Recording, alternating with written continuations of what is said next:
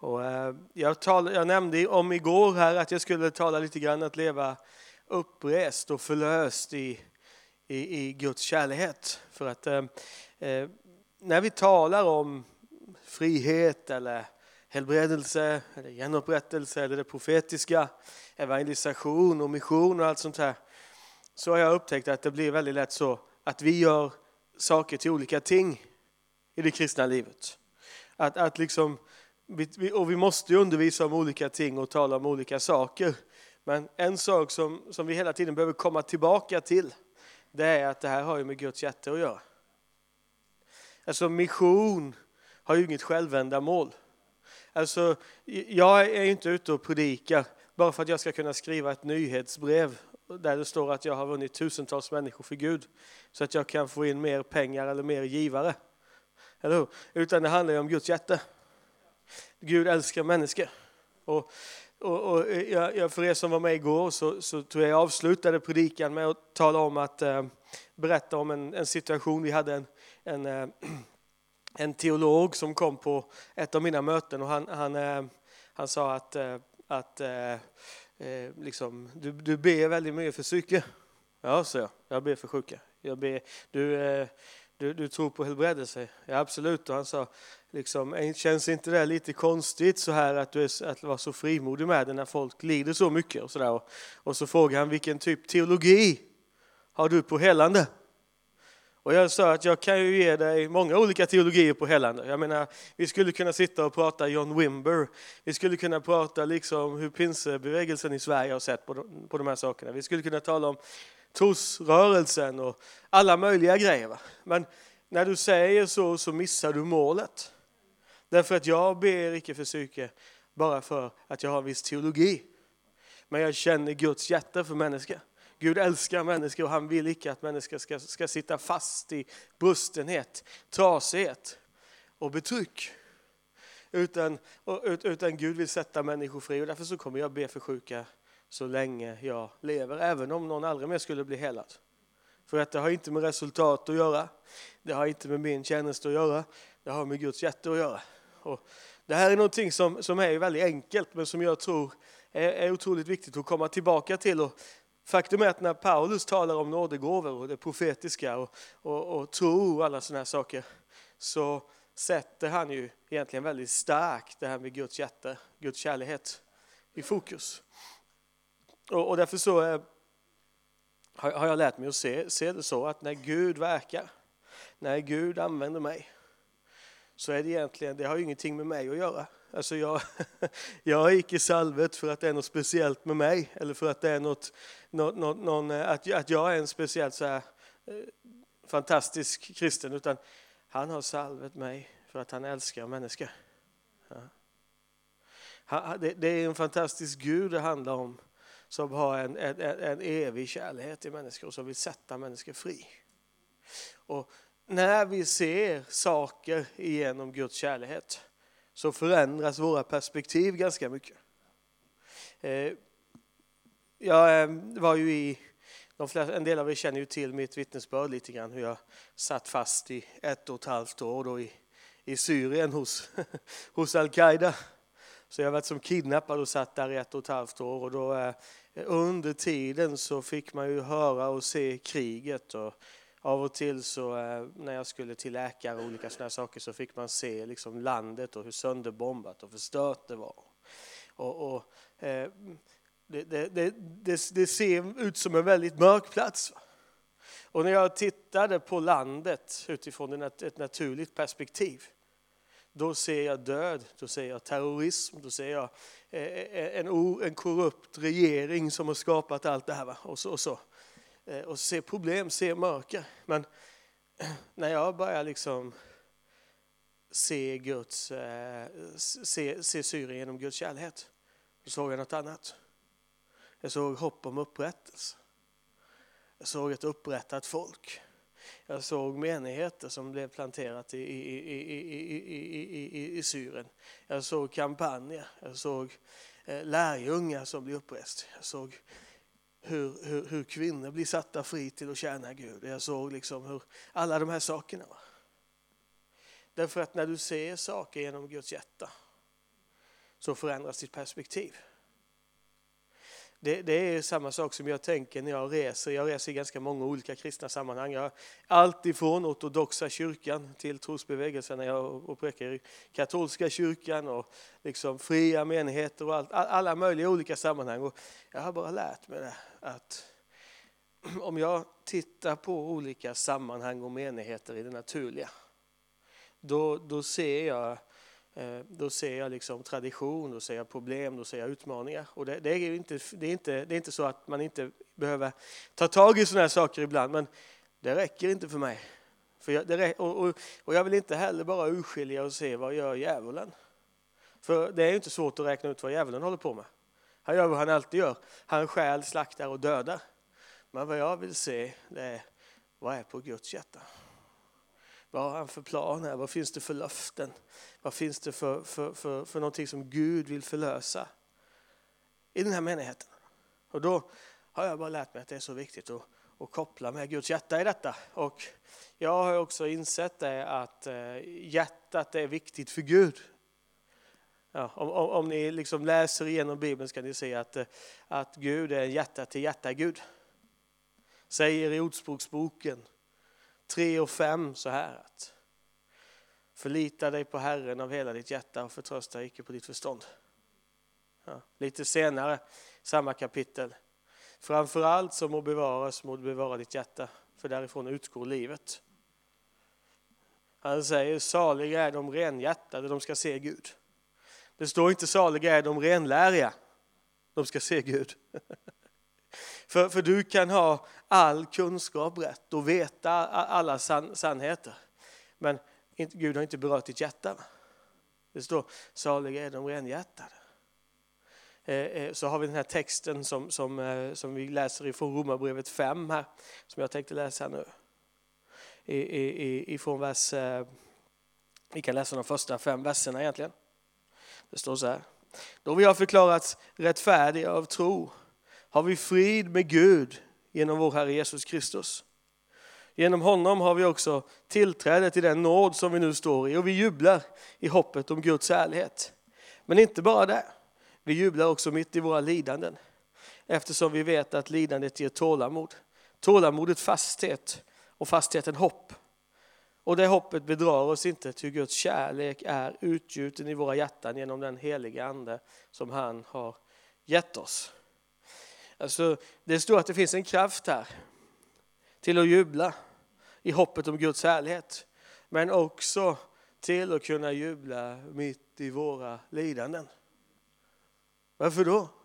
För att du lyfter dig själv i håret och liksom tar tag i ditt liv. Det skulle vara svårt för mig då. Eh, för att du eh, har all kunskap.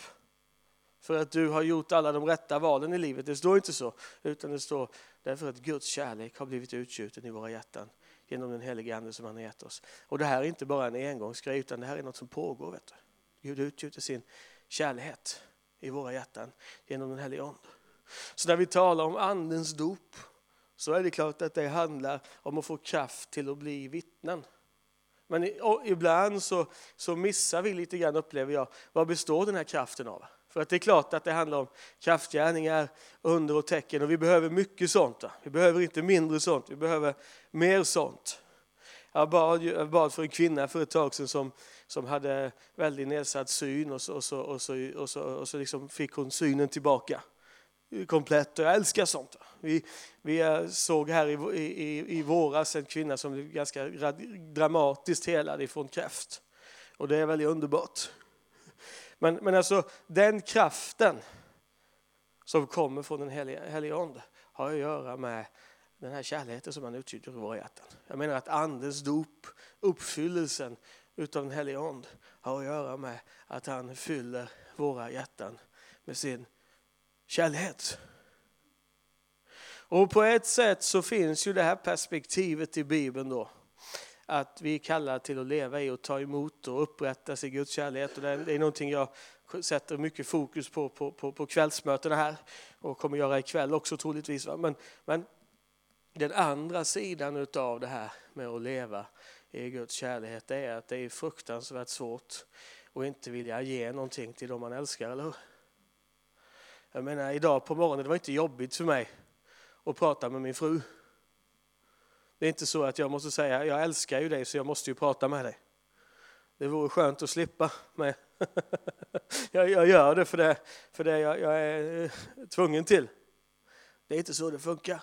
Utan kärlighet gör att du vill dela med dig. Och därför så finns det någonting i det här med att uppleva Faderns kärlek, Guds hjärta, som gör att du kan icke vara nöjd med att bara sitta och ta emot. Du kommer behöva ge vidare. Det föds en generositet då.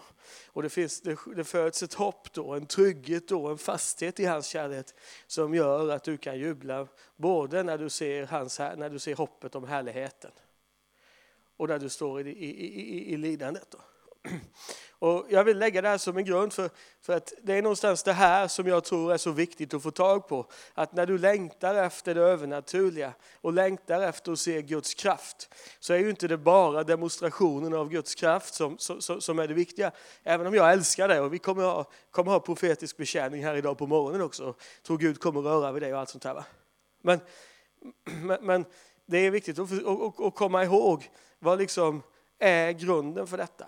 Vad, vad, hur liksom kopplar jag med Guds hjärta i detta? För att jag har sett människor som eh, blir korrumperade utav och, och liksom komma in i Guds kraft utan att Guds kärlek har fått röra vid deras hjärta. Ja. Alltså, den snabbaste vägen in i ett övernaturligt liv är ett, en uppenbarelse av Guds kärlek och Guds barmhärtighet. Därför att du vet, Gud är inte kraftlös. Hans kärlek och hans barmhärtighet är inte bara en fin teori som vi säger för att trösta oss själva lite grann med, utan det finns en kraft i den kärleken som övervinner döden. Det finns en kraft i den barmhärtigheten som inte ger sig. Du vet, Gud vill inte ha himlen utan dig. Och han, hans kärlek är så stark att han blev människa, lät sig torteras, dödas och spika upp på ett kors för din skull. Men han älskar dig så mycket att, att, att, att, att, att, han inte kunde, att liksom döden kunde inte hålla honom. Kärleken övervinner till och med döden. Och, och, och jag har bara, bara, sett att ju mer jag får uppenbaring av hans kärlek, ju mer kommer Gud också verka igenom mig. Ju mer jag ser hans nåde, hans generositet, hans godhet, ju mer kommer jag ge det vidare till människor runt omkring mig. Och det är ju därför egentligen man aldrig kan säga som kristen att jag har hört nog, jag har tagit emot nog, jag behöver inte höra mer, jag behöver inte ta emot mer. För att du har bara något att ge utifrån det du tar emot. Va? Alltså att vara ett vittne handlar ju inte om att du återberättar en historia. Jag menar, jag kan läsa en bok och så lär jag mig den boken utan till och så berättar jag den, men det gör ju inte mig till ett vittne, eller hur? Det gör mig till en historieberättare. Utan ett vittne är ju någon som har sett och hört och upplevt någonting. Och, och, och, jag har det som en grej i mitt, eget, i mitt eget liv, att när jag ska ut och göra konferenser, vilket är ju egentligen varje vecka då, nästan, som jag är ute och predikar i olika, i olika liksom länder och, och så, här, så, så har jag det i mig så starkt att det, jag, jag vill ha något fräscht. Jag vill inte bara ge vittnesbörd för som hände för tio år sedan, för fem år sedan, utan jag vill att Gud ska ha gjort någonting idag. Va? Jag vill att Gud ska ha gett någonting idag.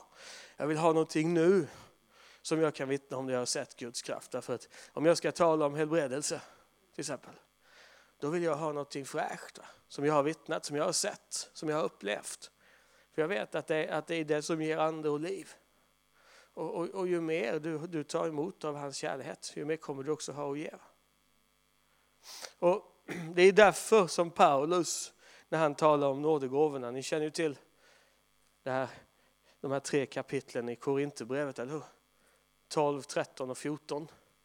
Och i första Korinthierbrevet 12 så talar han ju om, eh, eh, om, om, om andens gåvor och han talar om tjänster och han talar om kallelser och han talar om att vi är en kropp men många lemmar. Eh, samma ande men olika uttryckssätt eh, samma Herre men olika tjänster. Och allt sånt här. Va? Han talar om kroppen och sen i kapitel 13 så, eh,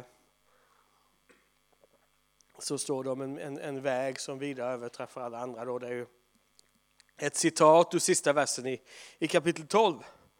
Men om man går in i kapitel 13 här och så läser vi de tre första verserna. Och de tre första verserna i första Korinthierbrevet 13 är sådana här verser som jag alltid liksom brukade få när jag, när jag började eh, och predika. För att vi talar mycket liksom om helande och frihet och allt sånt där. Och det var det alltid någon som kom fram och läste de här verserna för mig. För att ta ner mig lite på jorden så säger jag så här. Om jag talar både människors och änglars språk men inte hade kärlek vore jag endast en ljudande malm eller en skrällande symbol. Och om jag ägde profetisk gåva och kände alla hemligheter och hade all kunskap och om jag hade all tro så att jag kunde flytta berg men inte hade kärlek så vore jag ingenting. Och om jag delade ut allt vad jag ägde och om jag offrade min kropp till att brännas men inte hade kärlek så skulle jag ingenting vinna. Och det var sådana här texter som, som liksom folk kom och läste, så att det är bra med under och tecken, men glöm inte att det är inte värt någonting om inte du älskar människor. Och jag förstår att det är sant, men jag tyckte att den ande som folk talar om det här bibelordet, det, det känns liksom, det var mer ett sätt att liksom döda festen på. Va? en sån här riktig liksom party killer. Och det är inte det som är syftet egentligen. Och dessutom så gick jag och tänkte på det här verset, här står att om, om du saknar, inte har kärlek, och du profeterar är du som en ljudande malm och en skrällande symbol. Men jag har alltid tänkt på det att jag menar, om du får ett profetiskt ord från Herren till mig så tar jag emot det vare sig du älskar mig eller icke. För jag vet att Gud älskar mig. om du icke gör det så det, det är inte mitt problem, det är ditt problem, eller hur? För jag vet att Gud älskar mig. Ja. Men vad han talar om här, det är att om jag, gör, jag, kan, jag kan flöda i Guds kraft. Ja. Och det här är ju bra saker, eller hur? Tro så man kan flytta berg. Jag var och predikade i en kyrka i Egypten för inte länge sedan där de hade faktiskt, eh, de kristna hade blivit utmanade på detta. Kan ni be så att det här berget lyfter sig? Så, så ska vi tro att, att evangeliet är sant. För er, er bibel säger att i tro ska ni kunna säga till det här berget, häv dig upp och kasta det i havet. Och om ni gör det, då ska, vi, då, då, då ska vi tro på Gud. Annars så måste ni kristna packa er ut ur Egypten. Här. Det var liksom en, en utmaning de fick av judar och muslimer och, och liksom Egyptens eh, konge då. Och så bar de, och så säger kyrkohistorien att, att, att, att, att, att, att berget lyfte sig så och, och, så, och, så, eh, och så fick ju liksom kristendomen ett genombrott i landet. Det är ganska spännande egentligen. Och där, på det här berget så finns det en, en, en, en kyrka som, som, är, som, som är byggd in i berget och de kan samla rätt många tusen på bönemöten och på, på, på olika sådana grejer. Så det är väldigt spännande och, och, och eh, jag undervisar deras ledare i, i, eh, i helande tjänst och befrielsetjänst. Och så, och, så, eh, och så sa de, kan inte du tala i, i liksom huvudmässan också? Och jag tänkte, det är, det är ju det är inte, det är inte klokt egentligen att jag som en liksom, karismatiker får bli inbjuden att tala i huvudgudstjänsten på en av de ortodoxa, liksom, mest eh, eller traditionella, anrika ortodoxa kyrkor, eller koptiska kyrkorna i Egypten. Men jag kunde inte komma för jag var inbokad på ett seminarium någon annanstans i Egypten. Då. Men det, du vet, det är ju bra saker att kunna be och se liksom berg kastas i havet och sådana saker. Det är ju bra att känna hemligheter och tala människors och änglars språk. Det är bra att ha profetisk gåva och ha kunskap och tro och allt sånt där. Det är bra att liksom kunna dela ut det man äger och det, det är liksom att brännas på bål och ge sitt liv i martyret kanske man. Det är ju en, en, en, någonting som kan hända. Va? Ja. Men han säger, det, det, det, betyder ingenting om inte du har kärlek. kärlighet. Och det är ju så att du kan ju inte ta dig kärlighet själv. Jag menar, du, kan, du kan pröva om du vill. Säga, jag ska vara en kärleksfull kristen. Jag ska älska Gud mer. Jag ska ta tag i det här. Jag ska liksom växa i kärlek. Det enda det kommer göra är att du kommer bli mer och mer liksom förtvivlad. För du kommer märka att oavsett hur mycket jag prövar så når jag aldrig fram. Oavsett hur mycket jag försöker så kommer jag aldrig dit att jag älskar Gud tillräckligt. Utan du kommer få samma svar som den rike ynglingen fick, att ett fattas det. Men vad det här talar om, det är ju att om jag, om jag lever i Guds kraft och jag hela tiden strävar och söker och får tag på de här sakerna, men inte har liksom, eh, lever i, den här, eh, i, den här, i det här att den helige Ande utgjuter Guds kärlek i mitt hjärta så blir jag tom. För du vet, eh, nådegåvor är icke givet för att bekräfta dig. Nej, det är icke givet för att Gud älskar dig. Utan Gud, Gud, Gud har relation med dig, Gud har frälst dig. Hans kärlek finns i ditt hjärta för att han älskar dig. Han älskar dig så mycket att det räcker inte för honom att bara stå på distans här, utan han utgjuter sin kärlek i ditt hjärta. Han bor i dig. Va? Han har gjort dig så helig och så ren och så felfri att, han faktiskt, att den helige Ande faktiskt trivs i dig. Ja, du är hans tempel. Va? han har relation med dig för att han älskar dig. Men han, han har gett dig en salvelse för att han älskar världen. För att han älskar människor. Och därför så är det så viktigt att inte blanda ihop det här. För det som kommer hända om du söker Guds kraft men inte har den här inre liksom, tryggheten i Guds kärlek. Det är att du kommer söka bekräftelse och identitet i gåvorna.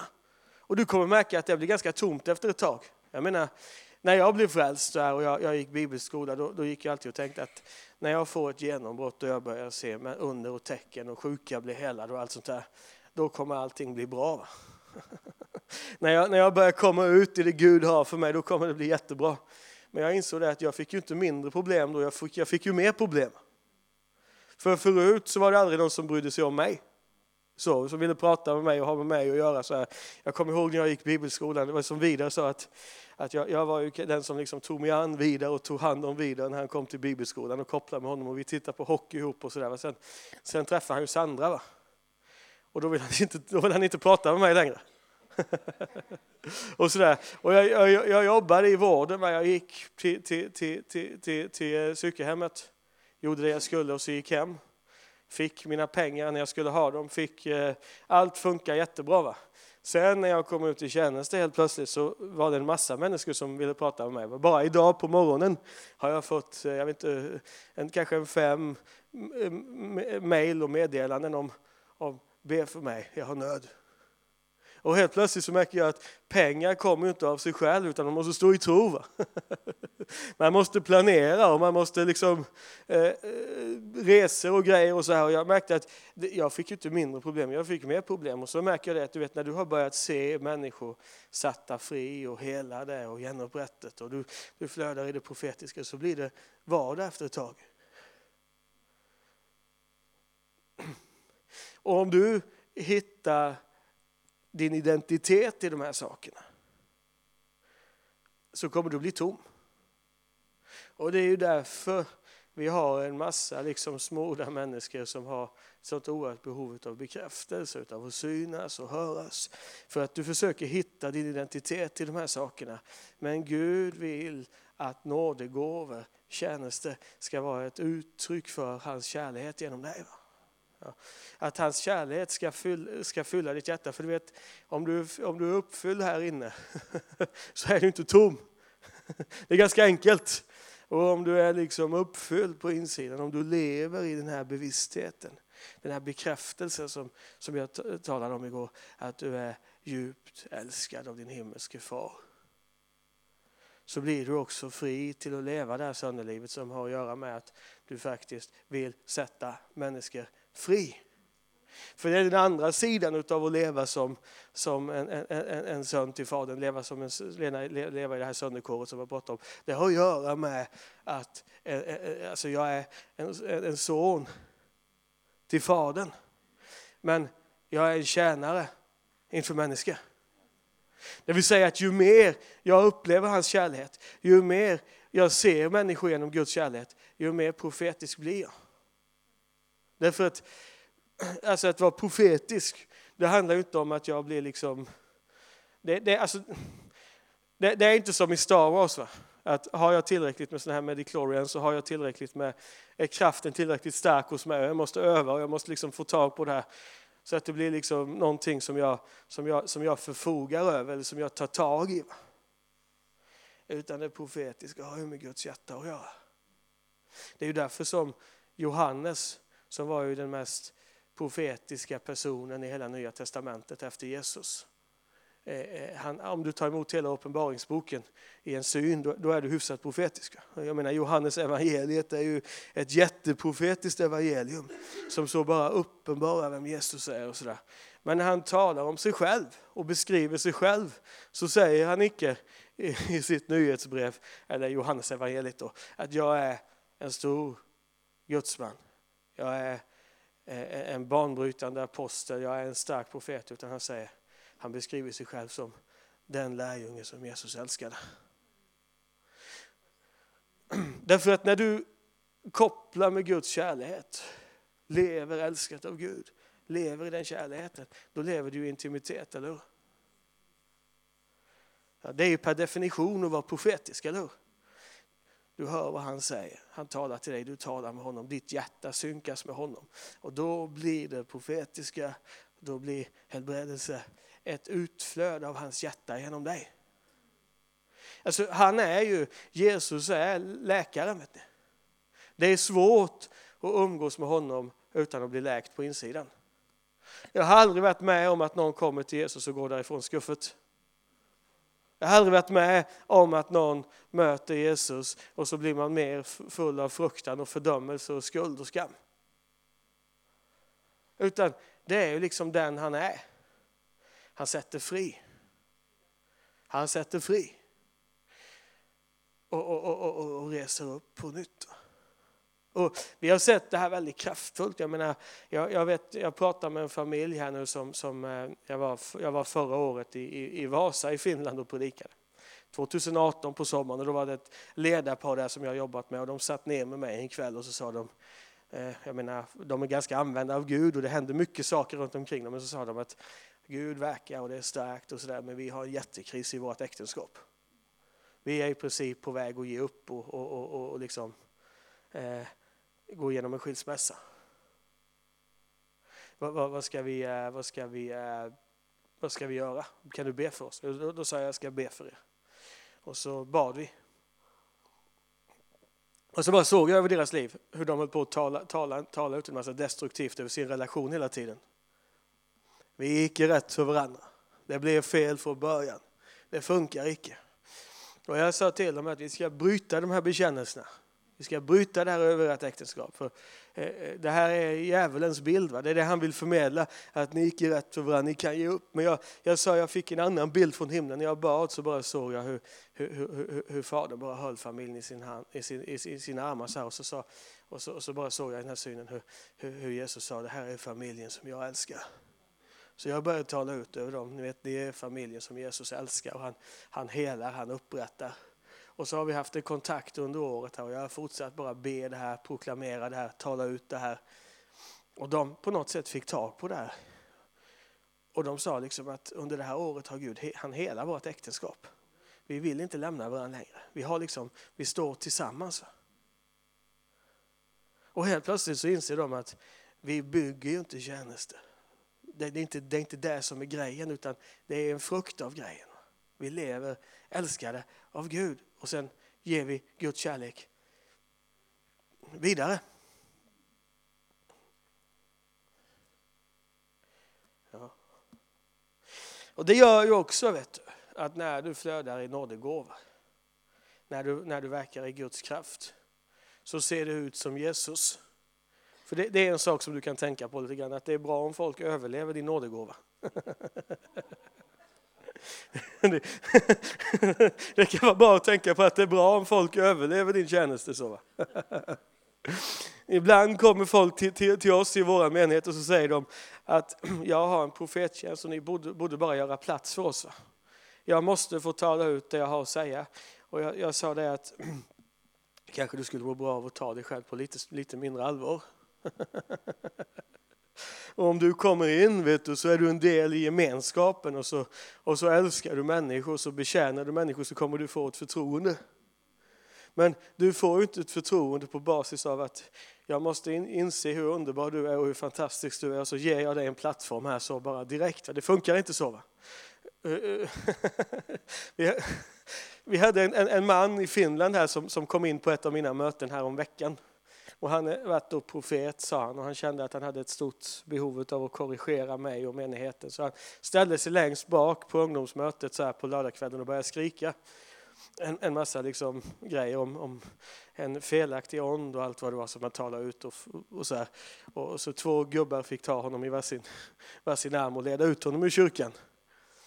Och jag pratade lite med honom så här, och jag frågade, tror du verkligen att det här är ett bra sätt att nå fram till människor på? Tror du du öppnar människors hjärtan när du kommer på det här sättet? Jag menar ungdomarna blev ju rädda för det, en del. Nej, det var kanske inte så genomtänkt då. Men alltså kärleken, Guds kärlek genom dig, ser ut som Kristus. Har samma liksom attityd, och, alltså det, eller egentligen är ju Guds kärleks uppenbarelse Jesus. Då, så att det, är ju liksom, det ser ut, det låter, det smakar som Jesus. Och jag har bara upplevt att det här är så viktigt att bara få, att bara få lyfta fram. För att många, för många människor så, så missar man detta när det, när det gäller ett övernaturligt liv. Alltså att du blir så fokuserad på att se manifestationen av kraften att man glömmer var källan till kraften finns. Sen, sen, är det ju underbart ja, att se hur Gud förvandlar människor. Jag var på Grönland för ett tag sedan och predikade och så, och, så, och så såg vi som en sån våg av helande kraft som gick genom rummet och vi såg en massa människor satta fri från, från sjukdomar och demoniska krafter. Och en kvinna vittnade om att hon hade varit utsatt för sexuella övergrepp av både sin, sin pappa och sin farbror under tio år. och Liksom hela hennes liv hade blivit så stukat. Va? Och så bara kom Guds kärlek i det här mötet och bara löste ut den Vi, och vi har haft en kontakt med familjen efteråt så vi vet att det här är liksom någonting som har på fortsatt förändra och sådär. Det är underbart. Men jag har lärt mig att vägen in i det övernaturliga handlar om Guds hjärta. Och det handlar inte om att du måste vara meriterad nog, kvalificerad nog, kunna nog mycket teologi och vara tillräckligt smart och duktig. Utan Gud kvalificerar den han kallar. Och det finns någonting vet du, med Gud, han älskar att ta människor som ingen tror på. Han älskar att göra saker genom människor som ingen, eh, som ingen har liksom förväntat sig. Det, det, var därför jag tyckte det, det, tycker det är så häftigt att det står om Johannes döparen, att det står att Herodes var kung i, i Judeen och den här killen satt på tronen någon annanstans och så Augustus satt på tronen i, i, i liksom, han var kejsare i Rom och så står det samtidigt så kom Guds ord till Johannes i öknen. Jag tycker det, det är så typiskt Gud. Vet du. Han tar någon som ingen har trott på och så bara uppfyller han den personen med sin, med sin, med sin, med sin, med sin ande. Och så, och, så, och, så, och, så, och, så, eh, och så är det bara att köra på. Mm. Men vi ska, ska säga det först, vi kommer ta ett break här vid elva så att ni, ni kommer hinna få ett morgonkaffe här också. Det är, jag är så dålig på att komma ihåg alla de här formaliteterna. Så. Alltså. Det är väldigt bra i menigheten när man har olika gåvor. Så här. Jag är ju inte den skarpaste administratören i världen. Men vi har en, en, en föreståndare som är jätteduktig, hon har koll på allt. Och sen i vårt arbete så har jag en kassör och jag har en, en, en, en kille som hjälper mig med administration och grejer. Och så, här, så det är väldigt, väldigt bra. Va? Slipper jag hålla på med alla de sakerna. Du vet, det är också en sak som händer när du möter Guds kärlek. För du får identitet i hans kärlek och det betyder att du kan säga det här har jag Gud gett mig, det här vet jag att jag kan. Men det är också väldigt gott att slippa vara allt för alla. ja, men Jesus säger ju det. Ja, men du är inte Gud, han är det. Så att det är en viss skillnad där. Det kan vara bra att komma ihåg det. Du kan inte vara allt för alla, för då bränner du ut dig. Men du kan vara något för någon. Ja. Du, du, du, kan inte ha alla gåvor och så här. Och det kan vara väldigt gott att bara erkänna att jag är, helt, jag är kass på det här. Tack Gud för att du reser upp människor jämte mig som kan komplettera mig.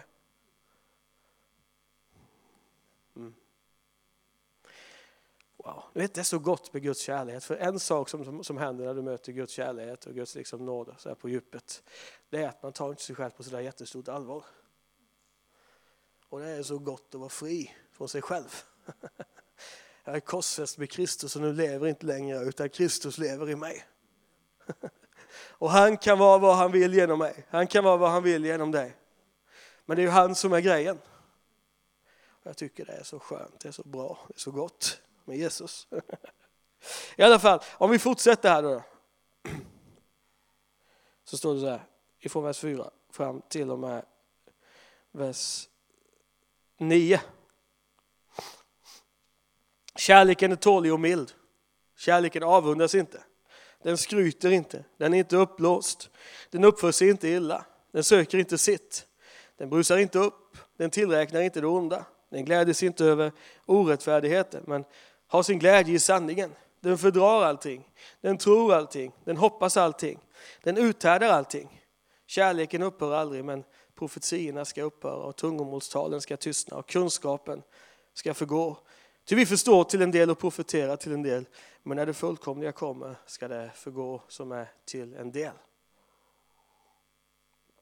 Och du vet, du skulle kunna byta ut ordet kärlek här emot Gud, för Gud är kärlek säger Bibeln. Byta ut det mot Jesus, att Jesus, han är inte, han är tålig och mild. Ja, det är ganska häftigt att veta att Gud har fruktansvärt stort tålamod med oss. Vet du vad du kommer upptäcka när du går med Gud? Det är att det blir fel ibland.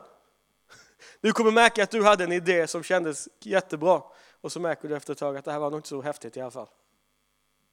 Du kommer kliva ut i tro och så går det inte som du har tänkt.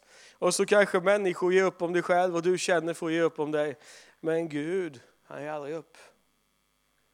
Han har ett sådär evigt tålamod. Och jag tyckte att det har varit skönt när jag ser tillbaka på mitt liv. För jag kommer ihåg när jag, jag, vi hade, var ute och predikade på en kampanj en gång så här i Indien. Jag reste ut till, utifrån arken då, jag och, och, och Linda Berling, pastorerna på arken var ute tillsammans i Indien och predikade. Och så hade hon pastorseminarien och så skulle jag ha då med de här evangelistiska mötena på kvällarna. Och, och, så, och, så, eh, och så kommer jag ihåg en kväll vi hade så mycket helande. Det var en som var både döv och stum som fick både hörsel och tal tillbaka. Och jättemånga blev frälsta och många fria från onda andar och andedöpt och allt sånt där. Och det var ju underbart.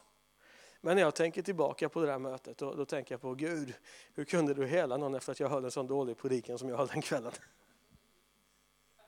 För idag så, så är det mycket som jag sa då som inte jag håller med om längre. Men jag kan bara se framför mig hur Fader, Son och Helig Ande sitter där uppe liksom på, i tronsalen och säger Den här killen har ju ett väldigt gott hjärta men han har ju en bit kvar. Så vi måste hjälpa honom här nu. Och sen hör jag bara hur Jesus säger till den helige Ande att du har lite mer uppenbaring du behöver förlösa till den här mannen. Men han har ett gott hjärta, han är, han är vår son. Va? Vi älskar honom, så vi backar upp honom. Ja, det är Guds tålamod. Han gör något fantastiskt av våran halvdana insats många gånger. Och så gör han det i mildhet också. Väldigt ofta när folk talar om den helige ande så tycker jag att, det, att man får intrycket av att den helige ande är så här lite, nästan lite så här rude, alltså lite, lite på. Och varje gång han vill tala till dig så talar han om någonting som du har gjort fel.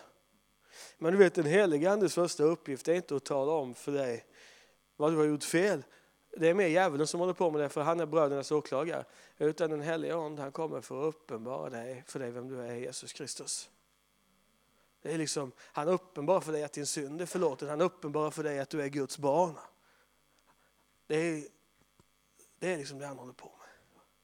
Peka på vem du är i Kristus och vad Gud har gjort i ditt liv. Så kommer in, in mildhet och så är det så att kärleken, Jesus söker inte sitt.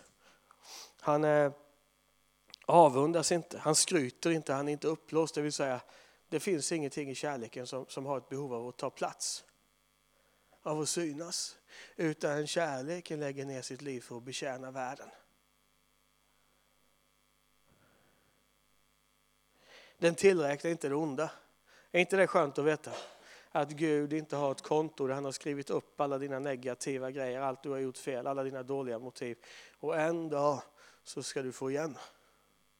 För vet du, han har spikat det här på korset. Det är borta. Han håller inte saker emot dig. Och det tycker jag är så gott. Han gläder sig inte över orättfärdigheten men har sin glädje i sanningen. Det är också väldigt bra. Så när djävulen kommer med en massa lögn över människor och säger det är slut för dig. Du, du, du är liksom bara du är trasig, du är förbrukad, du är bunden. Så kommer, så kommer Jesus och bara säger det där är inte sant. Du, du, det finns frihet, upprättelse, framtid och hopp för dig. När folk kommer och talar ut över menigheten att det är inte mycket som funkar här och vi kan lika gärna lägga ner. Då, då, då, då kommer jag säga nej, på denna klippa ska jag bygga min menighet och dödsrikets portar ska inte ha makt över den. Det, det finns någonting i, i, i Guds kärlek som, som, som, bara bryter igenom. Och det står här att det är en kärlek som fördrar allting. Alltså den tål allting. Gud kommer aldrig backa från dig, han kommer aldrig ge upp om dig. Och det gör han utom någon människa. Eh, eh, han, den tror allting. Den hoppas allting och den utdödar allting. Det är någonting som händer vet du, när du flödar i Guds kärlek, att det kommer en sån här genombrottsmentalitet. Och jag tycker ibland att vi har en sån här ensidig bild av, av, av Faderns kärlek. Så, så att när vi talar om Guds kärlek och så, här, så blir det alltid att vi ska sitta och ta emot. Va? Gud kommer och liksom håller mig och liksom, jag sitter i hans famn och allt sånt där. Och det, jag älskar det. Jag, jag älskar att bara komma till honom och, och bli älskad och liksom tröstad och allt sånt där. Men det finns ju en annan sida av det också. Det är ju att det finns ju en genombrottsmörelse i Guds kärlek. Vi ska göra en kampanj här så småningom, eller en ledarkonferens i Marocko. Då ska, då ska vi ha ledarträning och så kommer det ledare från flera olika länder där i, i på, liksom, eh, i, från Nordafrika och från arabvärlden. Då ska vi träna dem i, i profetisk tjänst och helande tjänst och befrielsetjänst och sådär. Och, och, och, och, det är liksom på något sätt så här att det, det, det, det, jag bara vet att Gud kommer bryta igenom i arabvärlden. Jag bara vet att vi kommer se en, en, eh, jag vet att vi kommer få se eh, konferenser och kampanjer i Iran och Irak och jag vet att, att, de här, att de här, det här motståndet bara kommer falla. Därför att Guds kärlek är mycket, mycket starkare än allt hat och all bundenhet och all betryck. Och, och liksom på något sätt så är det det som händer. När du ser saker i det naturliga så funkar det inte. Jag ser det i min, i min tjänst också ibland. När jag ser alla utmaningar och allt som händer så känner jag ibland, tänk vad skönt det vore att bara gå och dra en filt över sig och glömma bort allt det här. och ta ett vanligt jobb och sluta stå i tro. Det är inte fel att ha ett vanligt jobb förresten, det handlar mer om vad du är kallad till. Så det är inte frågan om det. Men det vore så skönt ibland och då vet jag bara det. Och jag, jag, jag har en fru som, älskar, som påminner mig också om detta, att jag kan gå hemma och småklaga ibland och så, där, så vill jag prata med Linda, frun alltså. Och så säger hon till mig, när du låter så här så vill inte jag prata med dig. Gå ut och be och umgås med Jesus. Och så får du liksom ett, eh, så, så, så, ser du saker genom hans perspektiv och sen kan vi prata. Det hemska är att jag vet att hon har rätt. Va? Så man får gå ut och be då.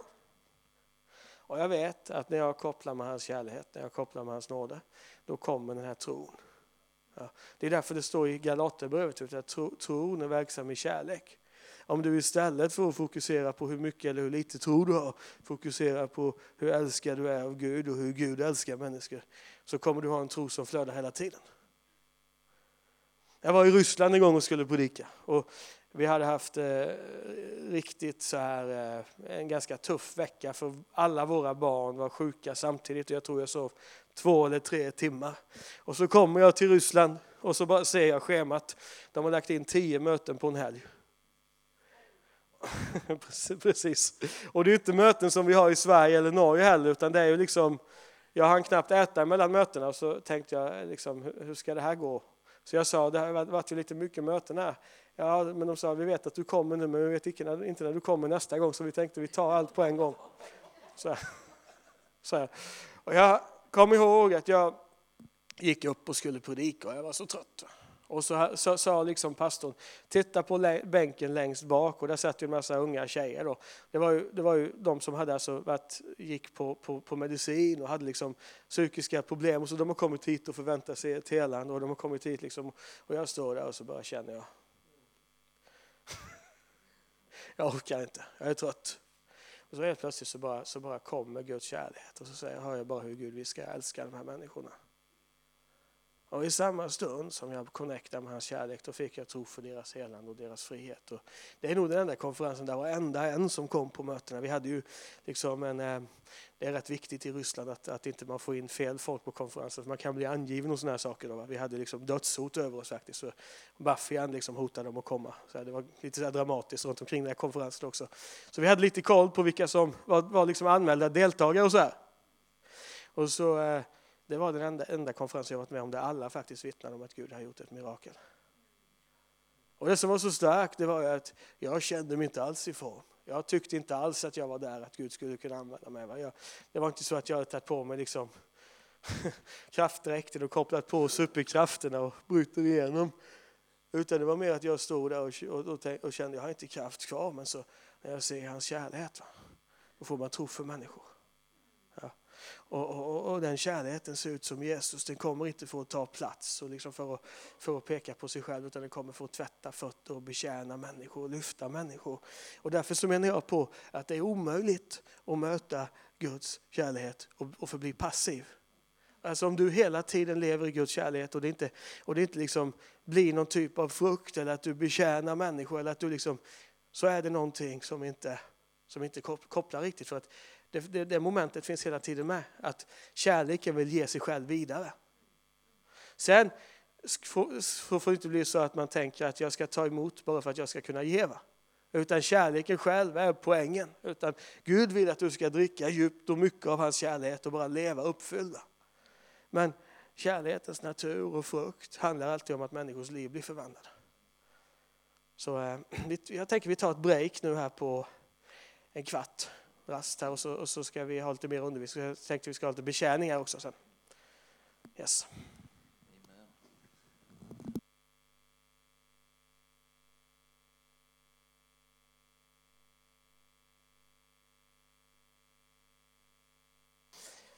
Yes.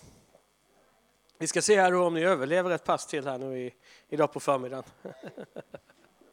Eh, men eh, alltså, på, på något sätt så, så, ehm, så, upplever jag att när vi talar om de här sakerna med, med, med, med liksom Guds kraft och alla sådana saker så, så upplever jag att, att ibland att, i alla, fall, i alla fall i min resa in, in i ett övernaturligt liv, så eh, var det som att Gud var på något sätt tvungen att lösa mig från hur man gör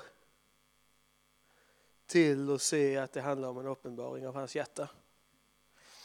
Eh, för jag var, jag var liksom väldigt mycket inne på olika, olika nycklar, olika steg och allt sånt här. Och det kan vara jättebra. Det är inte, jag säger inte att man inte ska ha det. Men, men, men för min del så märkte jag att jag, jag blev så liksom eh, fokuserad på att få till det. Ja. Och jag hade liksom mycket det här tänkan, den, här, den här tanken. Att jag, jag, tyckte, jag tänkte jag har hört undervisningen, jag har liksom fått tag på det och nu måste jag, till att jag eh, se till att jag får det gjort också. Men jag, jag insåg efter ett tag att ju mer jag tänker så, ju mindre får jag gjort. För jag, därför att när jag såg sen att det handlar ju om, det handlar ju mer om, alltså jag började se mer och mer att det handlar om hans kärlek. Och ju mer jag tar emot, kommer jag ha att ge. Ju mer jag ser av honom, ju mer kommer jag kunna ge. Och på något sätt är det ju så det funkar i det kristna livet, att du kan bara ge det du har sett. Alla vandrar efter det ljus man har. Men Gud vill ju att vi ska komma och, och, och, och liksom se mer. Så när Jesus kommer och säger, när Jesus talar om sig själv och säger jag är världens ljus. Så har, har ni tänkt på det att man tänder ju inte ett ljus för att sitta och titta på ljuset som regel. Jag menar, om jag tänder en lampa hemma så utom sonen som själv är Gud och är hos Fadern. Han har gjort honom känd. Han kom för att uppenbara vem är Gud, han kom för att uppenbara vem är far. Det ser vi i Kristus. Då. Och ju mer jag ser, ju mer jag upplever, ju mer jag tar emot, ju mer kan flöda genom mig också. Och det, det, är en, det är en sak jag, jag, jag tänkte jag skulle nämna lite grann här också. Vi ska vi tar tid att be sen här också. Men jag, jag skulle bara vilja, för ni vet, i Gud, alltså det som gör den kristna tron unik bland annat, är ju att våran Gud är ju inte ensam. Som Allah till exempel, eller som, som, som, som, som eh, eh, i olika religioner, utan våran Gud är ju treenig.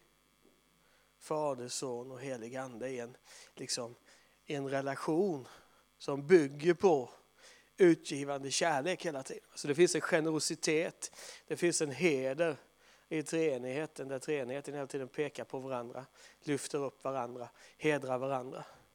Om, om ni, om ni tänker på det att varenda gång som man hör som Faderns röst blir liksom, som Fadern talar i Nya Testamentet, så talar han alltid om Jesus. Det här är min son, den älskade. I honom har jag min glädje. Det här är min son, den älskade. Lyssna på honom. Väldigt Jesus fokuserad. När Jesus går runt på jorden så är Jesus inte Jesus fokuserad egentligen. Jesus pekar hela tiden på, på Fadern. Så här. Eh, jag, jag, kan inte göra något av mig själv utan jag gör bara det jag ser Fadern göra. Min undervisning är inte min utan kommer från honom som har sänt mig.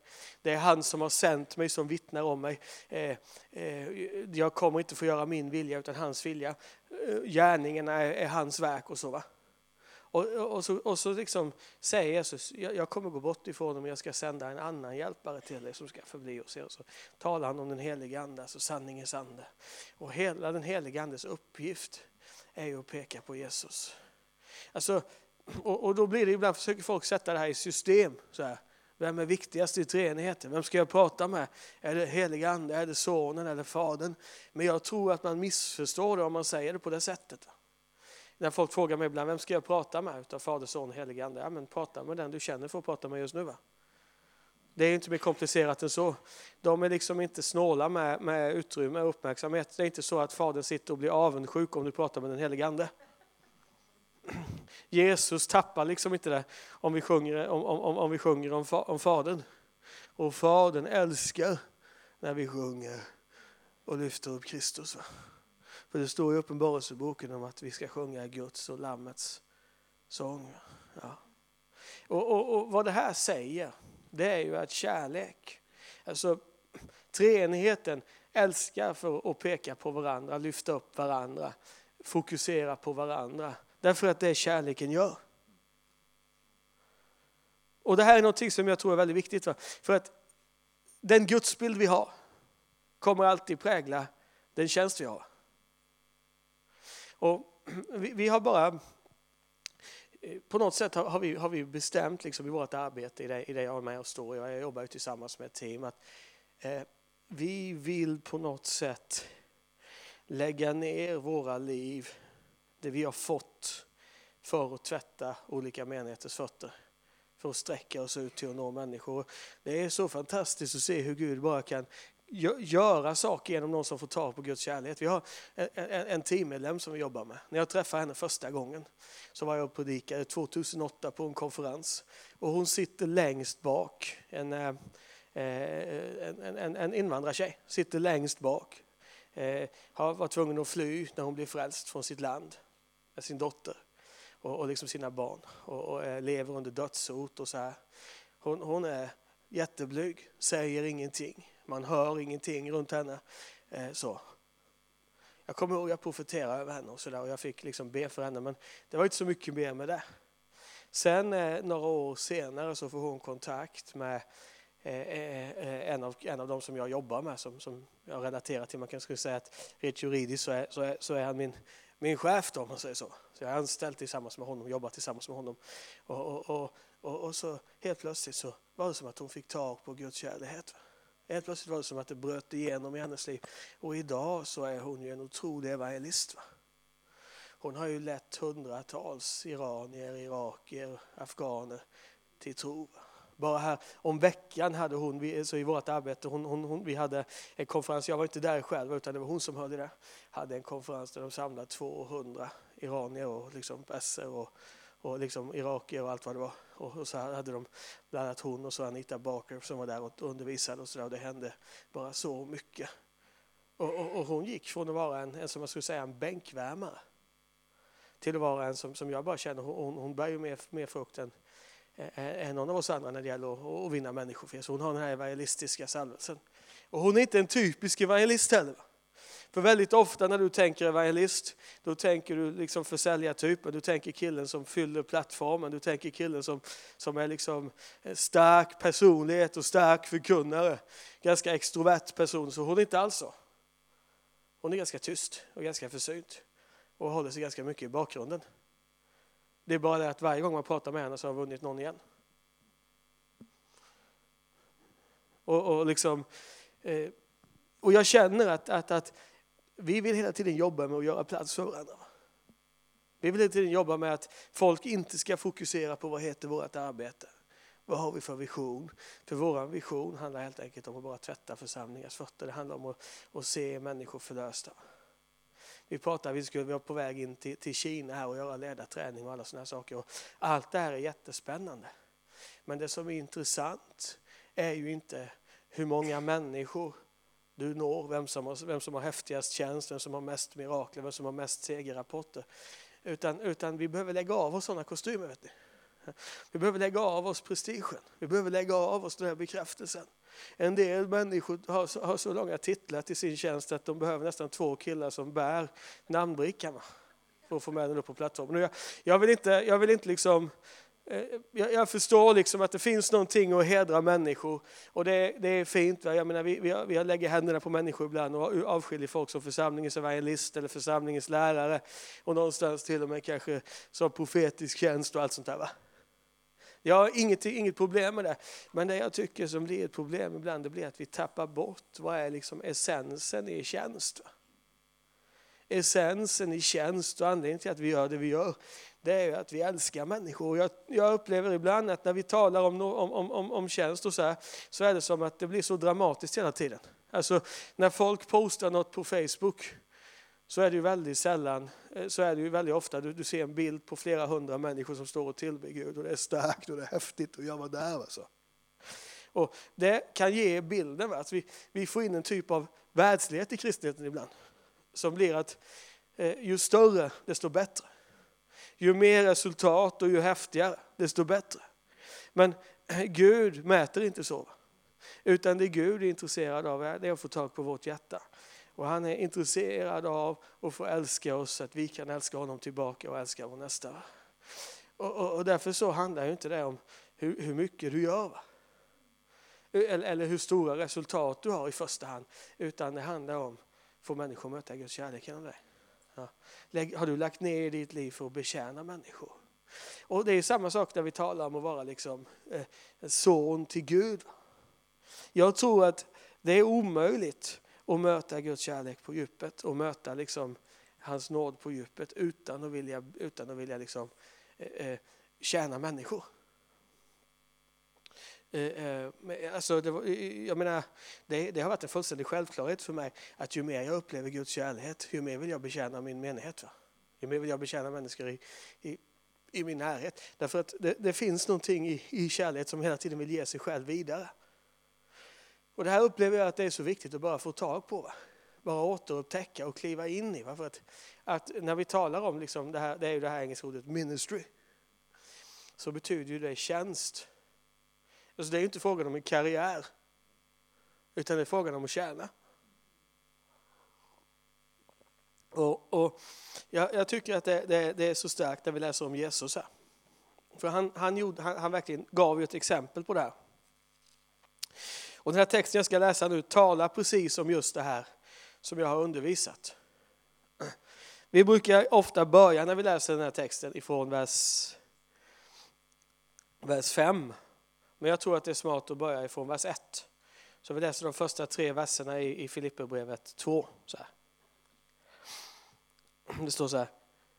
Om ni nu har tröst hos Kristus, uppmuntran av hans kärlek och gemenskap i anden, om medkänsla och barmhärtighet betyder något, gör då min glädje fullkomlig genom att ha samma sinnelag och samma kärlek och genom att vara ett i själ och sinne. Var inte självupptagna och stolta var istället ödmjuka och sätt andra högre än er själva. Men alltså, jag kan ju inte bara bestämma mig för att jag ska inte vara kaxig, jag ska vara ödmjuk.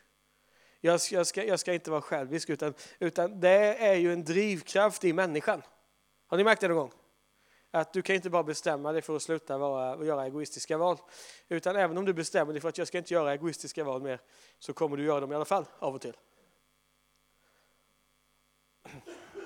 Eller så kan du ju lära dig att se väldigt fin och väldigt osjälvisk ut utåt. Jag menar, när man har barn så måste man göra osjälviska val.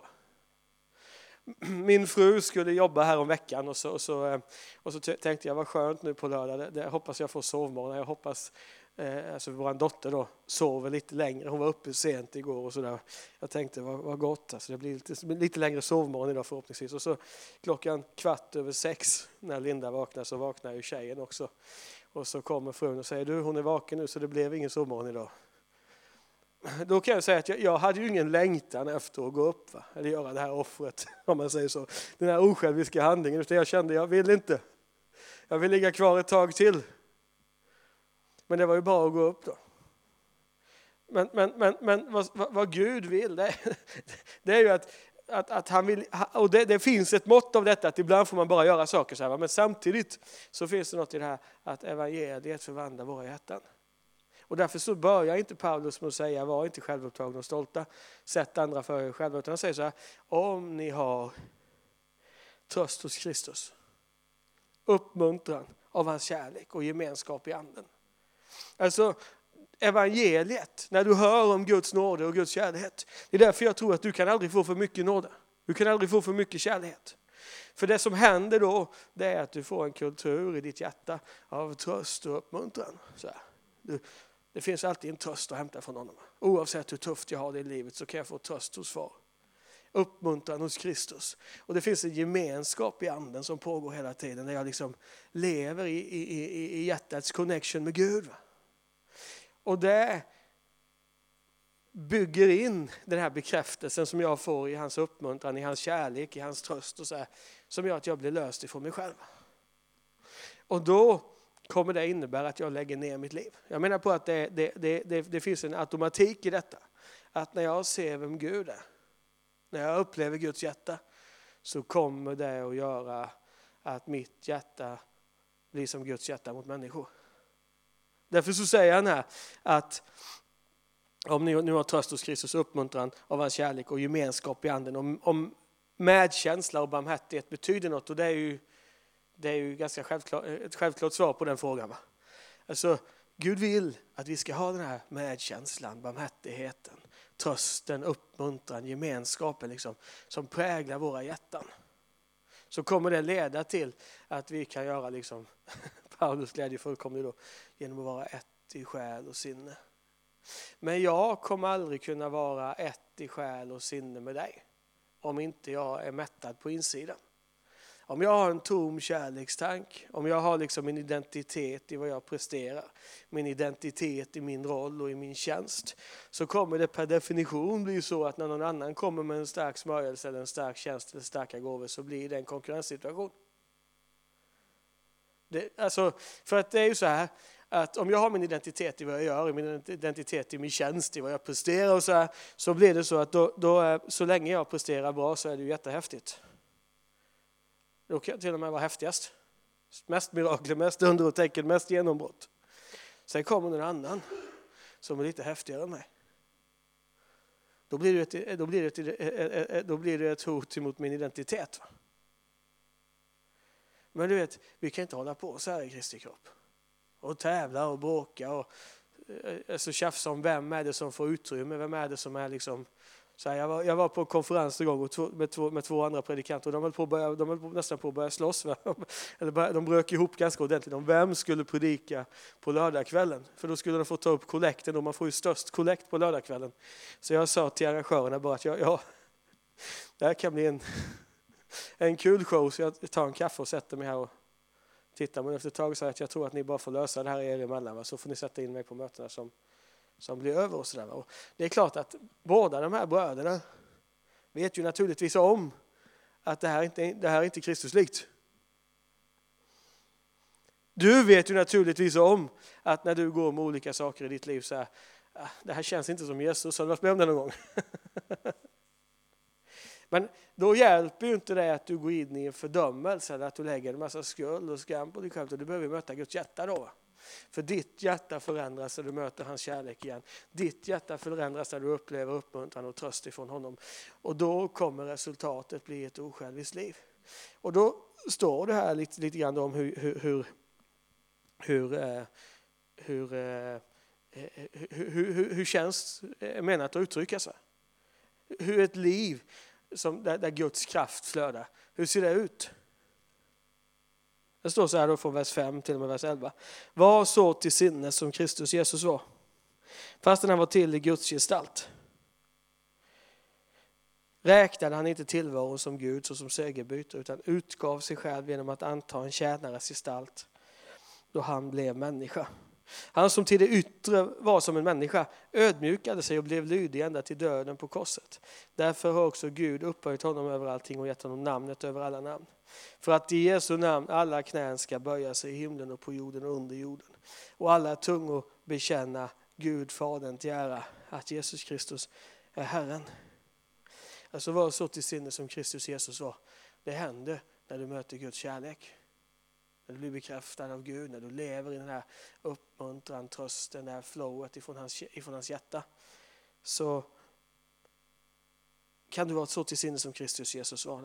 Han var till i Guds gestalt, men han räknade inte tillvaron som Gud som segerbyte utan utgav sig själv genom att anta en tjänares gestalt då han blev en människa. Alltså det här är en jätteviktig del i det här med att vara en son till Gud. Alltså att vara en Guds son eller Guds son, det handlar inte bara om att jag blir buren och att jag tar emot och att Gud bekräftar mig.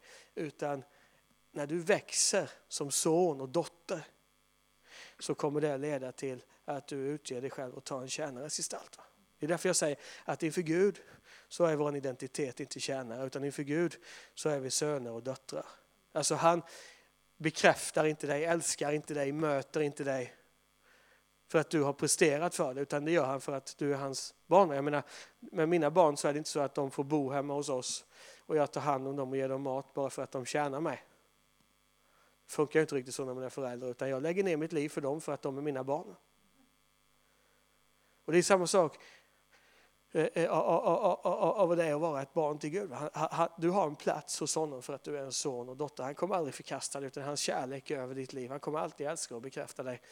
Men konsekvensen av att jag möter den kärleken blir att jag kan lägga ner mitt liv och anta en tjänares gestalt. Och av och till så missar vi vilken djup befrielse det finns i detta. För vi lever ju i en tid där liksom självförverkligandet och karriär och att lyckas är så fruktansvärt viktigt. Och i västvärlden upplever jag att det här är en av våra största avgudar om man ska vara helt ärlig. Ja det lyckade livet. Så det finns egentligen en väldigt djup befrielse i att bara kunna klä av sig den kostymen och säga jag, jag är redan lyckad för att jag är älskad av Gud. Jag är bekräftad av honom. Jag har hans uppmuntran och hans tröst. Och jag kommer aldrig kunna bli mer lyckad än vad jag är just nu. Genom ett enda offer har han för alla tider fullkomnat dem som helgas. Det är redan klart. Han, han, ser mig utan, utan fläck, utan brist och jag är godkänd och älskad och accepterad av honom. Och därför så behöver inte jag bry mig om mitt status inför människor. Jag kan, lägga, jag kan klä av mig detta och betjäna människor. Det här påverkar ju hur du möter människor med det profetiska till exempel. Jag ska ta ett exempel för att illustrera. Det här som, som jag berättar nu hade inte skakat mig så mycket idag, va? för nu har jag varit med ett tag. Men när det här hände, det var alltså i, i 99, 2000 år, så, så gick jag fortfarande i gymnasiet och var ganska nyfrälst. Och jag hade ju inte alls fått det helande som jag, som jag har fått nu och så, utan det var ganska, eh, jag var ganska trasig och jag hade ju väldigt mycket bekräftelse och väldigt mycket så här, stort hål på insidan kan man säga. Va? Och, så, och så hände väldigt mycket runt omkring, runt omkring mig under en tid. Va? Så att det var många som blev helade och en hel del blev andedöpta och så här. Och jag var inte speciellt vis i det och så där. Och då var det en annan, en annan liksom evangelist så här, som fanns i samma område som mig. Och han började ringa och profetera konstiga saker över mig och säga att jag höll på med häxkraft och säga alla möjliga sådana saker. Och, eh, och jag har varit, jätte, jag har varit rädd. Va? Så här. Han, sa, han, han, ringde och gav mig det här ordet ifrån, ifrån Jesaja om Satan.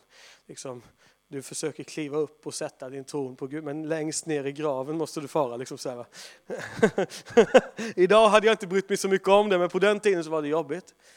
Och jag, men jag kommer så väl ihåg när jag liksom upplevde just det här med Guds kärlek i nådegåvorna. För då sa Gud till mig, anledningen till att han har så jobbigt med dig just nu, det är för att han själv har problem. Han lever i, en, han, han lever i äktenskapsbrott. Så. Och eh, jag vill att du ska hjälpa honom. Det är ju liksom, redan där känner jag att jag hamnar i ett underläge. Men när jag går på gymnasiet och är ganska nyfrälst och han är, han är några år äldre och har liksom mer erfarenhet och mer liksom så här. Och då, men då kände jag samtidigt hur, hur någonting restes inom mig. Har du varit med om det en gång när någon har tryckt till dig? Att du känner yes, nu får jag möjligheten här att trycka tillbaka. Va? Nu ska det minsann visa sig vad som egentligen är, nu ska sanningen fram. Så. Och så bara såg jag, hörde jag från Herren att liksom, så, så, så, kände jag att det här är inte riktigt så jag vill du ska göra för att hjälpa honom.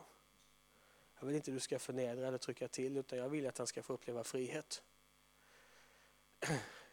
Och så fick jag den här, för jag upplevde så tydligt att det finns ju ingen fördömelse hos Gud.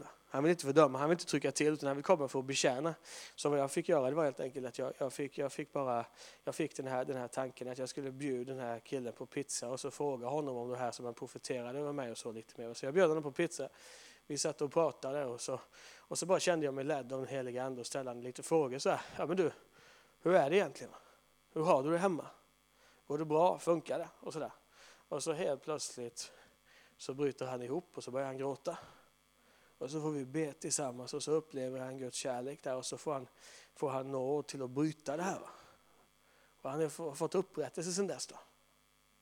Och det var som första gången jag insåg att det, det räcker inte för mig att ha en profetisk uppenbarelse. Utan den uppenbarelsen måste jag förvalta i Kristi sinnelag om ni förstår vad jag menar. Alltså, det, alltså Gud hade, har ingen längtan efter att trycka till folk eller förnedra folk, eller liksom, utan Gud vill att folk ska bli satt fri och upprättas. Och den här synden som han levde i har Jesus dött på korset för att ta bort. Va? Så han ville ju den här personens helande och upprättelse. Och då fick jag lägga av med mina anspråk och min, min längtan efter att få trycka tillbaka min längtan efter att få sista ordet och allt sånt där. Och tvätta hans fötter. Och vi är fortfarande goda vänner idag. Men det här är en sån, det är en sån oerhörd befrielse i detta. Vet du? För att du, du, inser, du kommer inse att jag har ingenting att bevisa.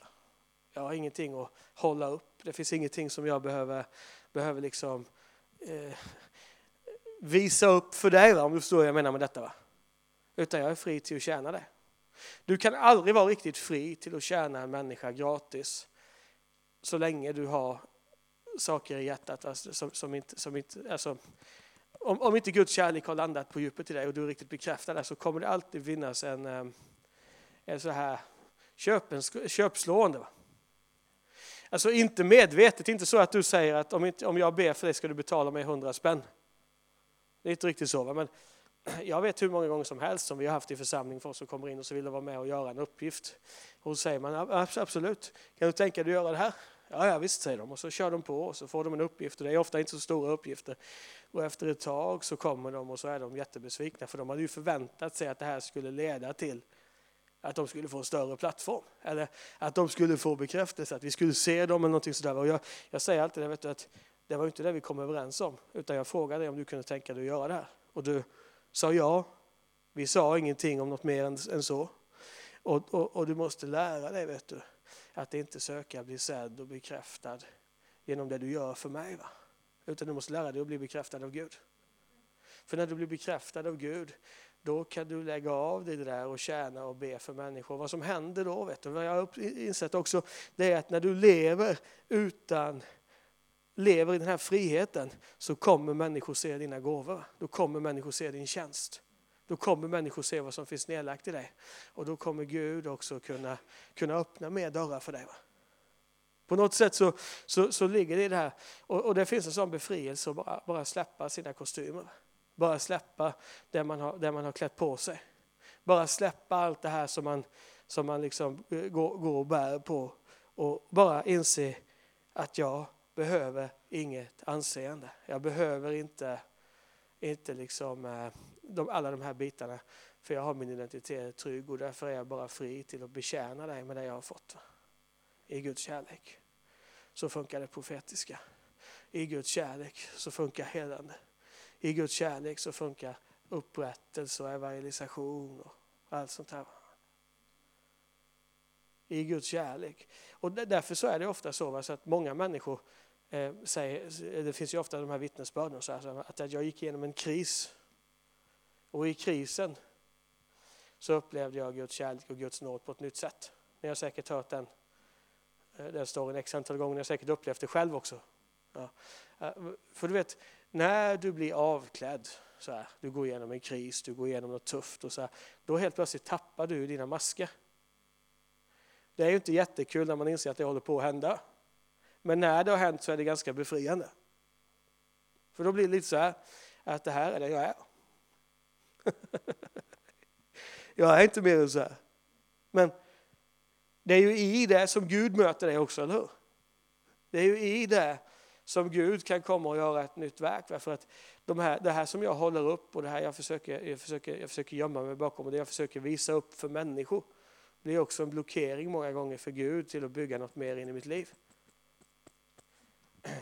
Därför när jag satt i fängelset till exempel så här, så här, under ett och ett halvt år. Då tappar man ju väldigt mycket av egen kraft och egen styrka. För du sitter där och du kan inte göra någonting för att komma fri. Utan det är egentligen Gud som måste göra ett verk. Det är upp till honom på något sätt. Och det, är så, det har varit så mycket egen kraft och så mycket liksom av min egen prestation och ambition, förtjänst och allt sånt där som bara föll. Men det jag märkte det var ju att Gud var där. Guds kärlek var där och helt plötsligt så, så upplevde jag att det kom in en ny äkthet med Gud. Därför så ibland så när folk går igenom en kris eller går igenom tuffa saker så måste inte det bara vara något negativt utan det kan bli något väldigt positivt av det. För i det kan Guds kärlek komma och fånga upp på ett nytt sätt. I det kan Gud komma och förlösa med liksom äkthet och allt sånt här. Va? Och ibland så märker jag ju så, här, va, så att när vi talar om det här med att leva ett äkta liv, ett uppriktigt liv, ett sant liv och allt sånt här. Så blir det lite grann, det är också en sån här trend idag. Let's be real. Men att vara äkta, det är ju inte för sakens skull. Utan det vi talar om när man talar om ett äkta uppriktigt liv, det är ju ett liv där Guds kärlek har en landningsbana. Där hans kraft kan verka. För du vet, Gud kommer aldrig välsigna en lögn. Det, det kan vara bra att komma ihåg. Han kommer aldrig möta dig där du borde vara. Där du hoppas att du skulle vara. Jag hör så många gånger säga, säger folk till mig, jag önskar att jag var längre än vad jag var. Ja, men det är du inte. Ja, men jag skulle vilja möta Gud, men jag är inte där riktigt Nej, alltså Gud kommer aldrig möta dig där du inte är, utan han kommer möta dig där du är.